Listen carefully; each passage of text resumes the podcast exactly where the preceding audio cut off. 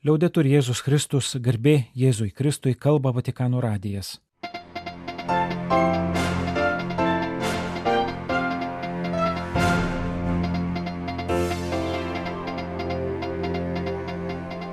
Malonus klausytojai šioje programoje.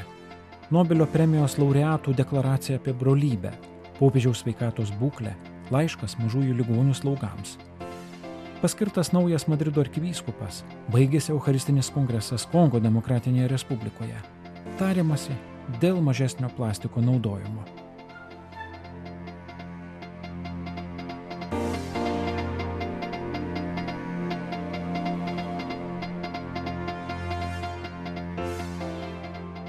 Dvasinės brolybės sėklos auginimas prasideda nuo mūsų pačių. Pakanka kasdien pasėti po mažą sėklą savo santykiuose - namuose, kaiminystėje, mokyklose, darbovietėse, aikštėse ir sprendimų prieimimo institucijose. Priminama 29 Nobelio premijos laureatų deklaracijoje apie brolybę. Perskaitytoje žmonių brolybei skirtame susitikime Romoje ir Vatikane vykusiame Birželio 10-11 dienomis.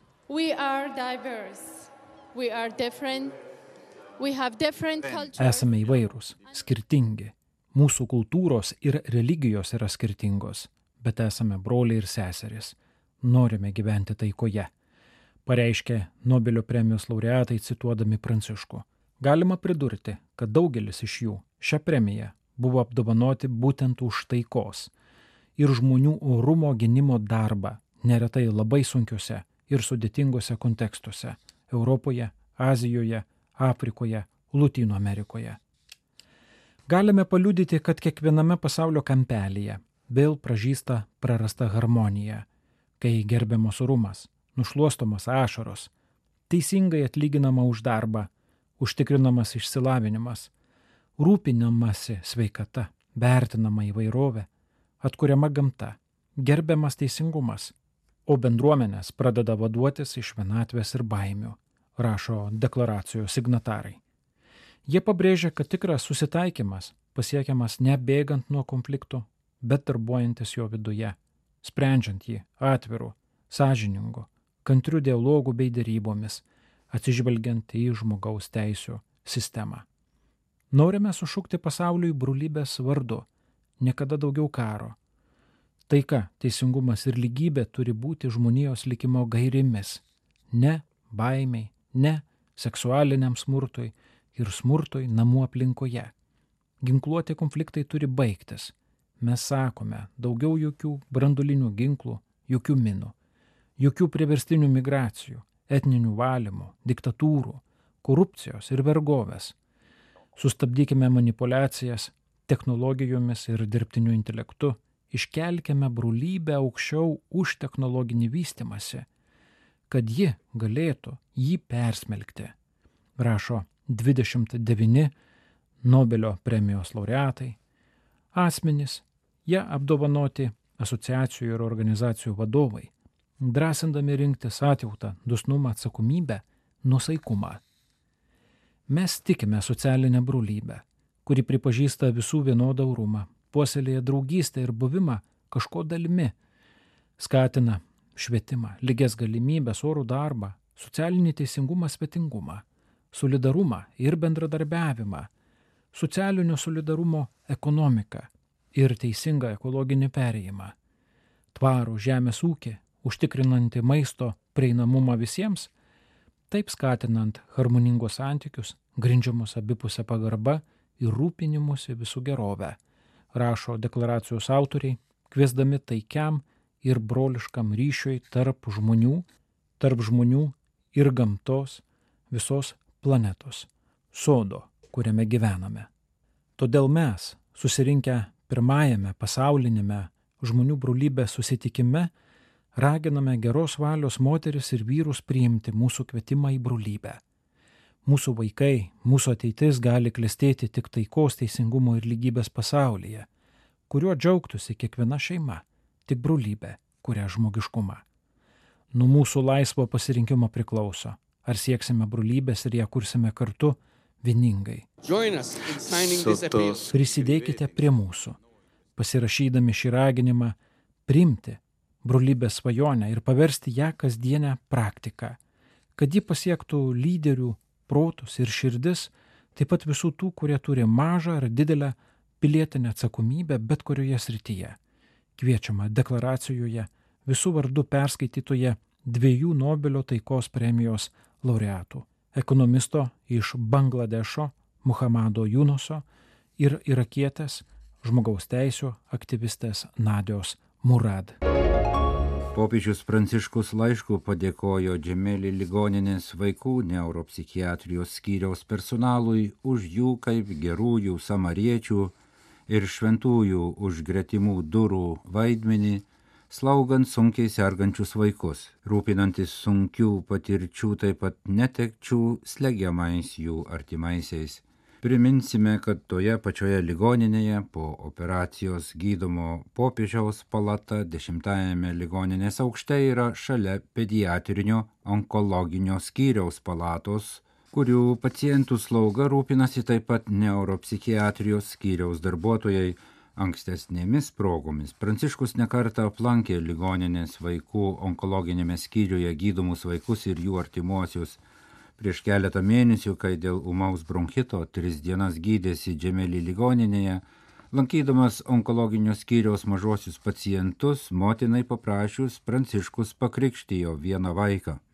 Popiežius ir šiomis dienomis gavo jam skirtus mažųjų ligonių laiškus su jų pieštais paveikslais ir linkėjimais pasveikti. Taip pat neuropsichiatrijos skyriaus darbuotojai laiške palinkėjo popiežiui sveikatos Pranciškus birželio 10-ąją pasirašytame laiške nuoširdžiai padėkojo skyriaus personalui už gautą laišką, kuriame jie papasakojo apie jų išskirtinės patirtis ir įsipareigojimą dirbti ir gyventi nuolatinėme ryšyje tiek su sunkiai sergančiais vaikais, kurie dažnai gydomi ilgus laikotarpius, tiek su kartu esančiais jų artimaisiais. Laiške kalbama ir apie mažųjų pacientų ir jų tėvų nešamą sunkų kryžių, ypač vaikų mirties akivaizdoje, kuriuo neišvengiamai dalyjasi visas skyriaus personalas. Šis ryšys virsta tokiu artimu, kad šie vaikai ir jų tėvai iš tikrųjų tampa vos netikrais šeimos nariais, o mažųjų ligonių mirtys palieka neišdildomas vidinės žaizdas verčia susimastyti, pažymėjo laiškė Džemelį ligoninės vaikų neuropsichiatrijos skyriaus darbuotojai. Popiežius laiško autoriams jautriai ir godžiančiai pažymėjo, kad jie, kaip gyvenimo ir mirties liudytojai, pašaukti slaugyti ir guosti šiuos mažuosius angelus ir palydėti juos iki pat susitikimo su viešpačiu slengščio. Dėl šio jūsų pasiaukojimo esate šventieji už gretimų durų, esate įvaizdis bažnyčios, lauko ligoninės, kuri nepaliaujamai tęsė Jėzaus Kristaus, kuris pritraukė prie savęs ir gydė nuo visokių lygų kenčiančius žmonės ir pasilenkė prie savo mokinių, kad numazgotų jiems kojas misiją. Visuomet būkite geri samariečiai, prisijimantys kitų gyvenimo ir skausmo naštą, toliau puoselėkite artumo ir švelnumo kultūrą, palinkėjo popiežius Pranciškus. Vatikano spaudos salė oficialiai patvirtino, kad taisosi popiežiaus sveikata po birželio 7 dieną jam atliktos operacijos. Nuo sekmadienio iki pirmadienio birželio 11-12 dienos paskelbtuose komunikatuose apie Romos vyskupo Pranciškaus sveikatos būklę sakoma, kad jo padėtis stabili. Vykdomi medikų nurodymai, popiežius maitinasi normaliai. Sekmadienio rytą ir popietę Pranciškus buvo atsikėlęs, vaikščiojo, skyrė laiko darbui, poilsiui ir maldai.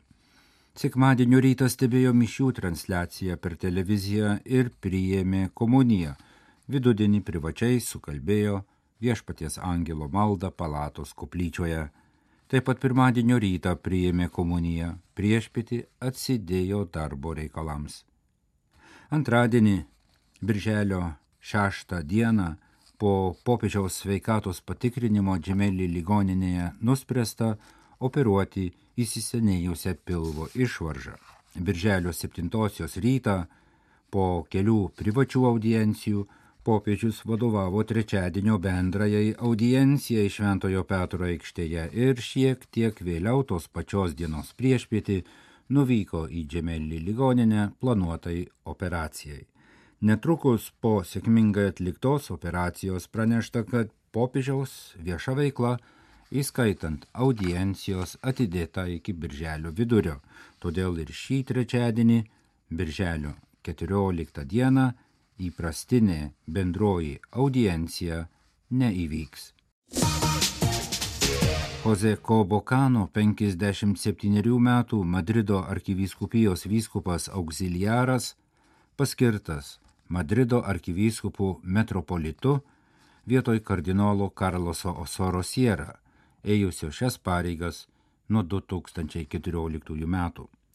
Vatikano spaudos salė pranešė pirmadienį, kad popiežius Pranciškus patenkino kardinolo Karloso Sorosiera prašymą dėl amžiaus atleisti iš ganytojo pareigų ir kad į jo vietą paskyrė vieną iš Madrido vyskupų auxiliarų. Naujasis Ispanijos sostinės ganytojas Jose Kobokano yra kilęs iš Jaeno miesto pietinėje Ispanijoje. 1994 metais išventintas Madrido arkivyskupijos kunigų, tarnavo jos parapijose, tęsė mokslus, ėjo kunigų tarybos nario ir nuo 2015 metų Madrido arkivyskupijos antrojo vikariato vikaro pareigas. 2017 metais paskirtas Madrido vyskupų auxiliaru, tapęs vyskupų Jose Kobokano buvo išrinktas Ispanijos viskupų konferencijos socialinės pastoracijos, o šiuo metu eina episkopato socialinės pastoracijos ir žmogaus pažangos komisijos nario pareigas. Madrido arkivyskupijoje šiuo metu yra du arkivyskupai emeritai, abu kardinolai. 78 metų Karlosas Osoro Sierra ir 86 metų Antonijo Marija Raukų Varėla Madrido arkivyskupo pareigas ėjęs nuo 1994 iki 2014 metų. 2016 metais įsteigus ordinariatą Ispanijoje gyvenantiems rytų apeigų katalikams, popiežius pirmojų jų ordinaru paskyrė Madrido arkivyskupą Karlosą Osoro Sierra, kuris ir toliau eis šias pareigas. Žmogaus alkis labai įvairiapusis. Alkiui kamuojant suvalgytas mėgstamas maistas teikia jėgų ir pasitenkinimą, jaučiamės atgyję. Tačiau mūsų apetitas dažnai neapsiriboja maistu, taip pat trokštame pinigų ir garbėjai, skanaujame pyktį ir pavydą, geriame iš gudumo, korupcijos ir manipuliavimo šaltinių. Tai nesveikas maistas, žalingi gėrimai, kuriuos Dievas kviečia pakeisti kitais. Dievo žodžiu ir kūnu. Nacionalinėme Eucharistinėme kongrese Kongo Demokratinėje Respublikoje sakė kardinolas Antonijo Taglė. Vienas iš popiežiškosios evangelizavimo dikasterijos vadovų į Kongą nuvyko kaip popiežiaus pasiuntinys ir sakė humiliją septynias dienas trukusios Eucharistinės šventės baigiamosiuose mišiuose Lubumbašio mieste. Eucharistinio kongreso uždarimas simboliškai sutapo su Kristaus kūno ir kraujo iškilme, sekmadienį minėta visoje bažnyčioje.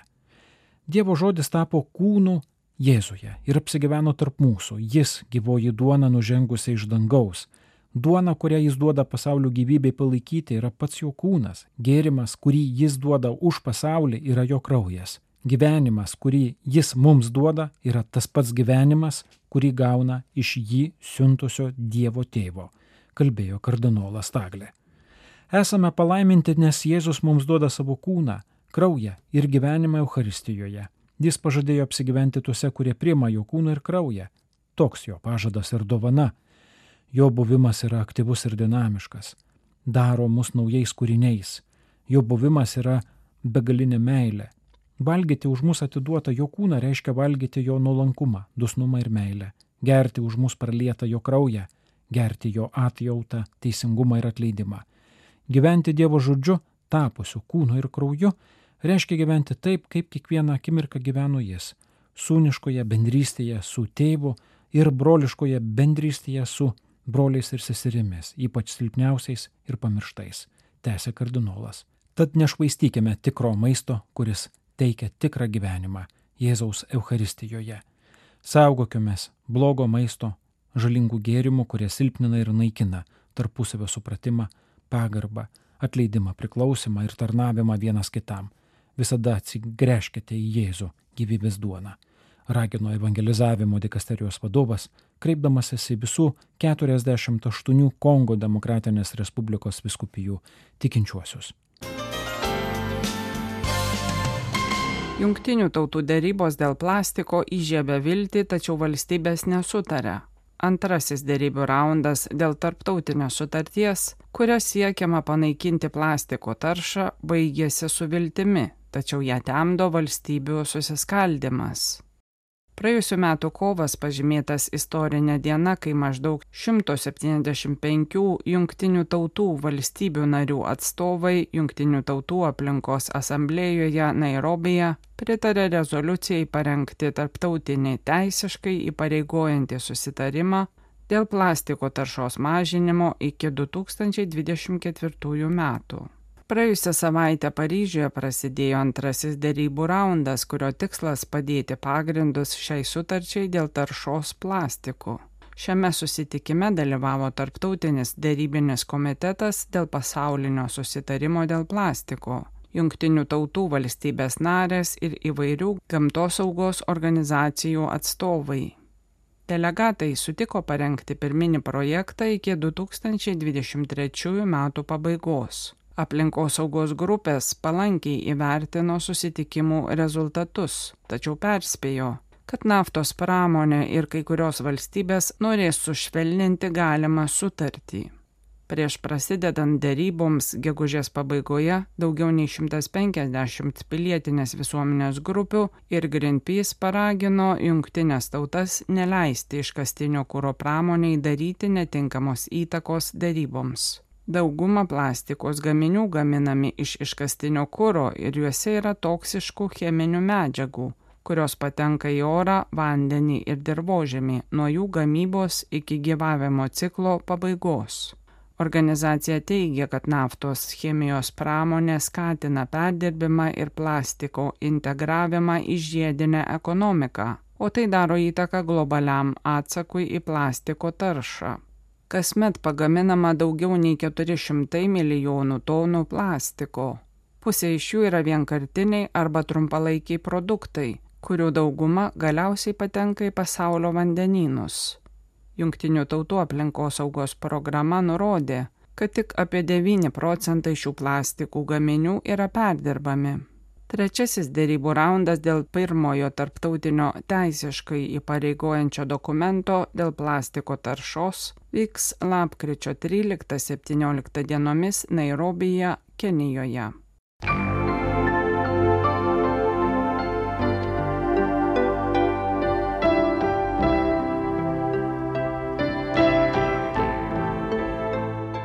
Malonus klausytojai laidą lietuvių kalba baigiame. Kalba Vatikano radijas. Garbė Jėzui Kristui, liaudai turi Jėzus Kristus.